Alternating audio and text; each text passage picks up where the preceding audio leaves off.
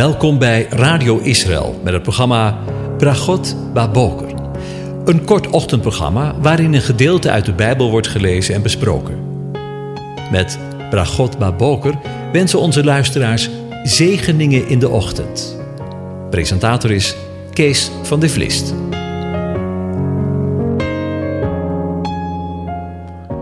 Goedemorgen, Bokatov, beste luisteraars. Vanmorgen pakken we de draad weer op bij Psalm 104. En ik lees de eerste 15 versen aan je voor. Loof de Heere mijn ziel. Heere, mijn God, u bent zeer groot. U bent met majesteit en glorie bekleed. Hij hult zich in het licht als in een mantel. Hij spant de hemel uit als een tentkleed. Hij maakt de zoldering van zijn hemelzalen tot wateren, maakt van de wolken zijn wagen, wandelt op de vleugels van de wind. Hij maakt zijn engelen tot hulpvaardige geesten, zijn dienaren tot vlammend vuur. Hij heeft de aarde gegrondvest op zijn fundamenten. Die zal voor eeuwig en altijd niet wankelen. U had hem met de watervloed als met de gewaad bedekt. Het water stond tot boven de bergen. Door uw bestraffing vluchtten ze. Ze haasten zich weg door het geluid van uw donder. De bergen rezen op, de dalen daalden neer. En precies op de plaats die u ervoor bestemd had. U hebt een grens gesteld, die zullen ze niet overgaan. Ze zullen de aarde nooit meer bedekken. Hij wees de bronnen hun loop en hun naar de dalen, zodat ze tussen de bergen doorstremen. Ze geven alle dieren van het veld te drinken. De wilde ezels lessen er hun dorst. Daarbij wonen de vogels in de lucht, hun stem klinkt tussen de takken. Hij bevochtigt de bergen vanuit zijn hemelzalen. De aarde wordt verzadigd door de vrucht van uw werken. Hij doet het gras groeien voor de dieren, het gewas ten dienste van de mens. Hij brengt voedsel voort uit de aarde, wijn die het hart van de sterveling verblijdt, olie die zijn gezicht doet glanzen en brood dat het hart van de sterveling versterkt. Tot zover. Over water en wijn gesproken. Voor we een aantal afleveringen starten met het levende water, waren we gebleven bij het volgende tekstgedeelte. Hij brengt voedsel voort uit de aarde, wijn die het hart van de sterveling verblijdt, olie die zijn gezicht doet glanzen en brood dat het hart van de sterveling versterkt. Wijn, olie en brood, zoals jullie voorgelezen hebben, worden voorgesteld als voedsel dat uit de aarde voortkomt. Maar in feite zijn het natuurlijk de eindproducten van druiven, olijven en tarwe, nadat ze door de mens zijn bewerkt. Het is goed te blijven zien dat het eindproduct zijn oorsprong heeft in de aarde waar God het heeft laten groeien. Het is ook goed eraan te denken dat het eindproduct alleen tot stand is gekomen omdat God daarvoor de mens de wijsheid en de kracht heeft gegeven.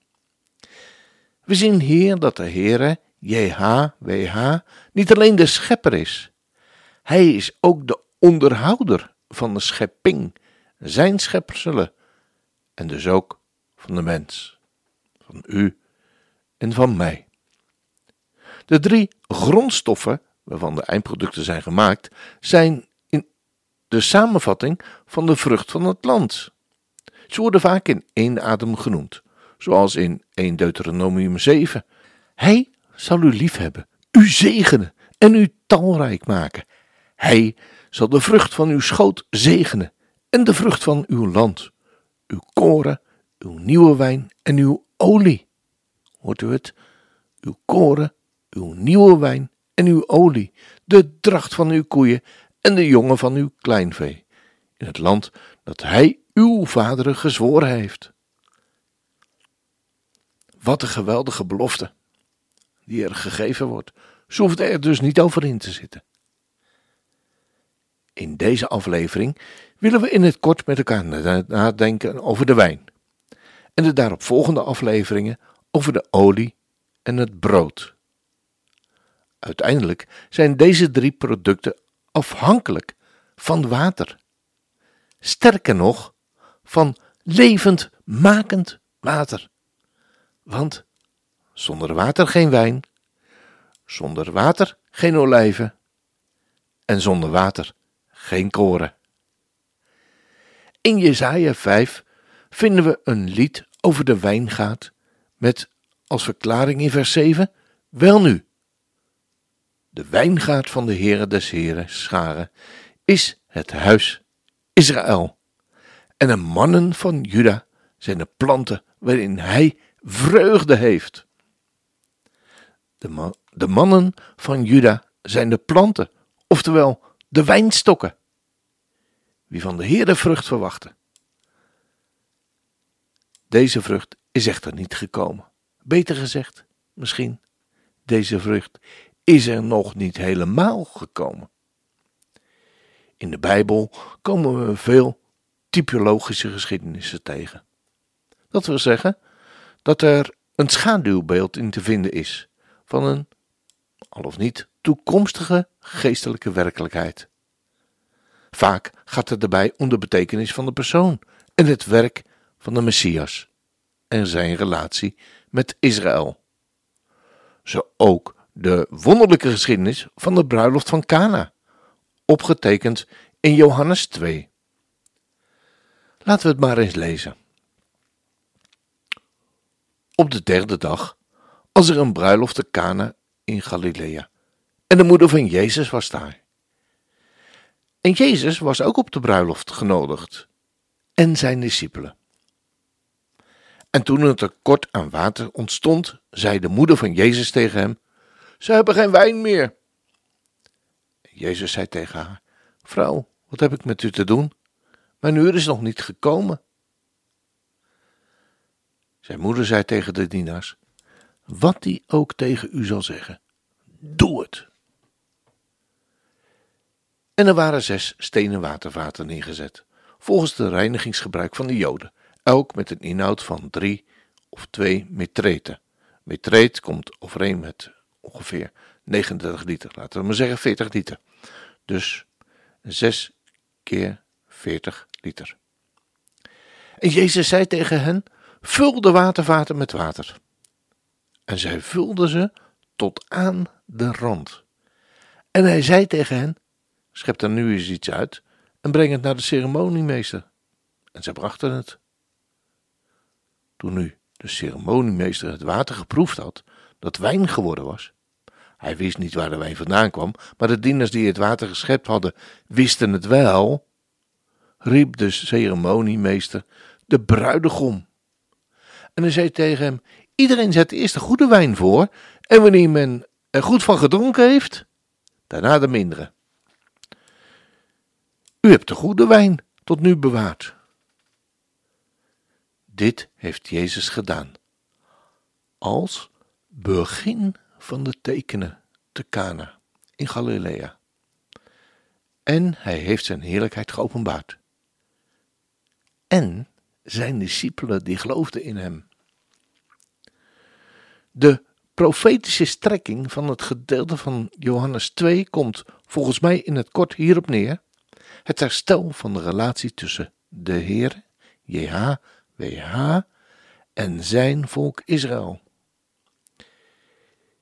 In vers 11 staat er duidelijk dat het wonder een teken is. Een teken is een aanduiding van de werkelijkheid. Het gaat dus in feite niet zozeer om het wonder zelf, maar veel meer om de boodschap die daardoor wordt verkondigd. Daarin staat de heerlijkheid van de Messias centraal. Deze gebeurtenis in Cana staat dus model voor de toekomst. Wanneer het overblijfsel van Israël in de toekomst, dat dan het hele Israël is, en lees dat maar eens in Romeinen 11, vers 26 en in Romeinen 9, vers 27, tot aanvaarding komt van de Messias, het levende woord, uitgebeeld door het water in de lege vaten. Dan zal er een nieuw leven komen, Dat wil zeggen vreugde en blijdschap, uitgebeeld door de wijn, de geest. Het spreekt van de wedergeboorte van Israël, waardoor het volk wordt opgenomen in het nieuwe verbond, zoals onder andere voorzegd in Jeremia 31, vers 31 en volgend. En we laten het maar eens gewoon lezen. Zie, er komen dagen, spreekt JHWH, dat ik met het huis van Israël en met het huis van Juda een nieuw verbond zal sluiten. Niet zoals het nieuwe verbond dat ik niet zoals het verbond dat ik met hun vader gesloten heb, op de dag dat ik hun hand vastgreep om hen naar Egypte te leiden. Mijn verbond dat zij verbroken hebben, hoewel ik hen getrouwd had, spreekt de Heere. Voorzeker, dit is het verbond dat ik na die dagen met het huis van Israël sluiten zal. Ik zal, ik zal, ik zal, spreekt de Heere. Ik zal mijn wet in hun binnenste geven en zal die in hun hart schrijven. Ik zal hun tot een God zijn en zij zullen mij tot een volk zijn. Dan zullen zij niet meer een ieder naast zijn naaste en ieder zijn broeder onderwijzen door te zeggen: Ken de Heere, want ze zullen me allemaal kennen. Vanaf de kleinste tot de grootste toe, spreekt de Heere, want ik zal hun ongerechtigheid vergeven en aan hun zonde niet meer denken. Wat een ongelooflijk, sorry hoor, maar wat een ongelooflijk evangelie. Hoe vaak wordt hier niet gezegd: Ik zal, ik zal, ik zal. En we kunnen aan alles twijfelen, behalve aan Gods woord. Hoewel hij hen getrouwd had, spreekt de Heer. En zij dat verbond, die trouwerij, opgezegd hadden, verbroken hadden. Ik zal, ik zal en ik zal. Vers, uit, vers 11 uit Johannes 2 zegt eveneens dat de Heer Jezus dit gedaan heeft als begin van zijn tekenen. Dus het maar eens na. Onwillekeurig moet ik daarbij denken aan Johannes 1, vers 17, waar, waar we lezen: Want de wet is door Mozes gegeven, en de genade en de waarheid zijn door Jezus Christus gekomen. Mozes was de middelaar van het oude verbond, van het eerste verbond beter gezegd. Zijn optreden wordt ook gekenmerkt door wonderen en tekenen. Het begin van zijn tekenen werd gevormd door de verandering van water in, inderdaad, bloed. Kijk, lees het maar eens na in Exodus 7, vers 14. Maar nu in Johannes 2 wordt de komst van het tweede verbond, het nieuwe verbond, aangekondigd door verandering van water in wijn. De zoon is de middelaar van een beter verbond, zegt Hebreeën 8 vers 6. Een nieuw verbond, zegt Hebreeën 9 vers 15 en 12 vers 24. De goede bewijn, die is bewaard tot het laatst echt feest te kunnen vieren, is het nodig dat God een wonder verricht. En dat gebeurt ook op het vastgetelde tijdstip. Vandaar de opmerking van Yeshua tot Maria: Mijn uur is nog niet gekomen. Die uren heeft in eerste instantie betrekking op de dood en de opstanding van de Messias, die nog moest plaatsvinden. Het duidt echter ook op de vervulling van dit teken in een toekomst. Als het uur aanbreekt dat de Messias zou komen voor Israël. Wanneer is dan het vastgetelde tijdstip van Israëls wedergeboorte? Wanneer zal Israël als natie nieuw leven ontvangen? Wanneer zal het grote feestmaal plaatsvinden? Wanneer zal de relatie tussen de Heere, JHWH en Israël worden hersteld?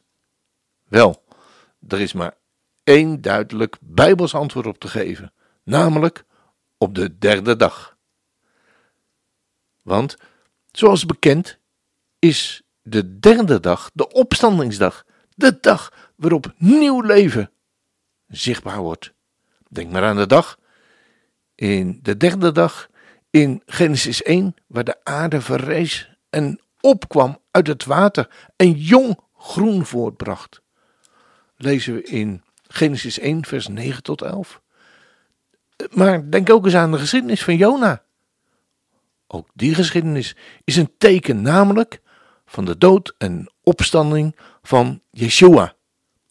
We lezen dat in Matthäus 12, vers 39. Maar daarnaast is Jona echter ook een nieuw, een type van Israël, dat na twee dagen in de Volkerenzee te hebben verkeerd, op de derde dag aan land zou komen en haar oorspronkelijke roeping zal vervullen. Lees maar eens in Exodus 19, vers 5 en 6. Een profetische heenwijzing vinden we ook in Hosea 6, vers 2. Hij zal ons na twee dagen doen herleven. En ten derde dagen zal hij ons oprichten. En wij zullen leven voor zijn aangezicht. Bijna 2000 jaar lang zaten de Israëlieten zonder koning en zonder vorst, zonder offer en zonder gewijde steen, zonder efot of terafim. Lezen we in Johannes 3, vers 4, of Hosea, moet ik zeggen, 3, vers 4. Zie ook, maar is in vers 5. Nu zal de derde dag spoedig aanbreken en de Messias zal komen en zich aan zijn volk verbinden. Lezen onder andere in Jesaja 54 en Hosea 2. De bruiloft van het lam zal plaatsvinden en de Messias zal zijn koningschap op aarde openbaren. Nu is het opmerkelijk dat de derde dag in Johannes 2 vers 1 tegelijk de zevende dag is in de opeenvolging van de dagen die eraan vooraf gingen. Zo zal na twee dagen, waarbij we denken aan één dag als duizend jaar, volgens 2 Petrus 3 vers 9, het overblijfsel van Israël een ontmoeting hebben met de opgestane Heer. Dan zullen ze hem aanschouwen die zij doorstoken hebben, zegt Zacharia. Dat zal zijn als de geest van de genade en van de gebeden zal worden uitgegoten.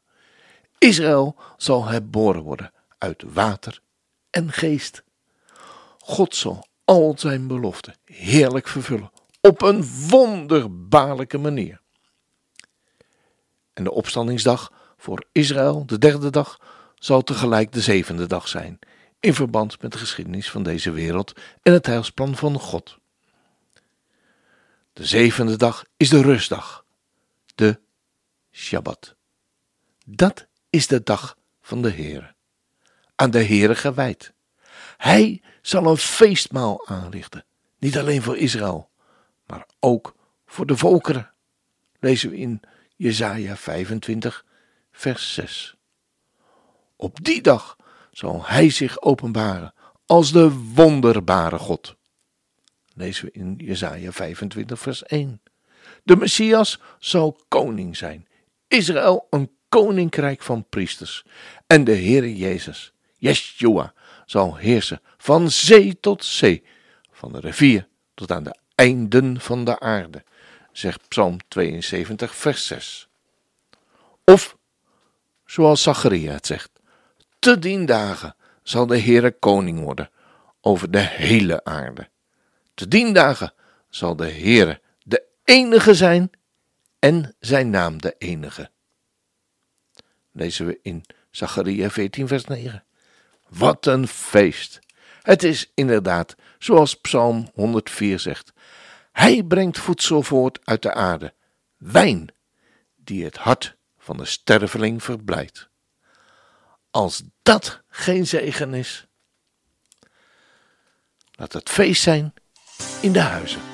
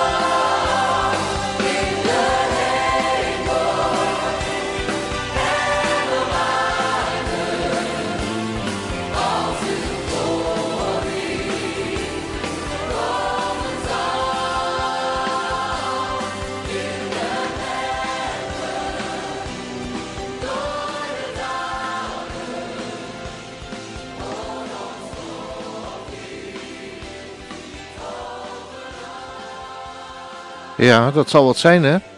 Als in de bergen en door de dalen Gods loflied overal gehoord zal zijn. En niet alleen de bergen en de dalen, maar ook in de hemel en op de aarde. Ziet u er ook zo naar uit? Elke keer als we, als we weer nadenken over, over Gods woord en alle zegeningen die Hij eh, aan ons geeft.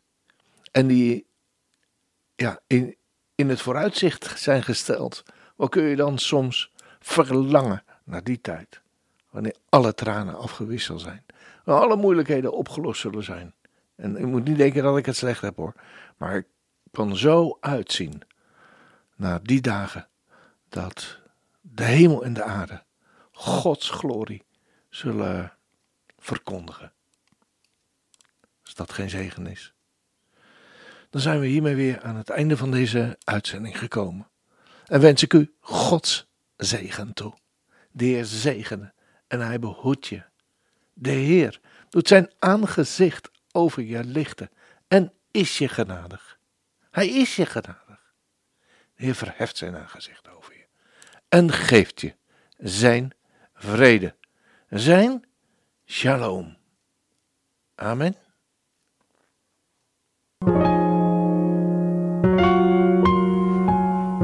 Hebt geluisterd naar het programma Bragot Baboker.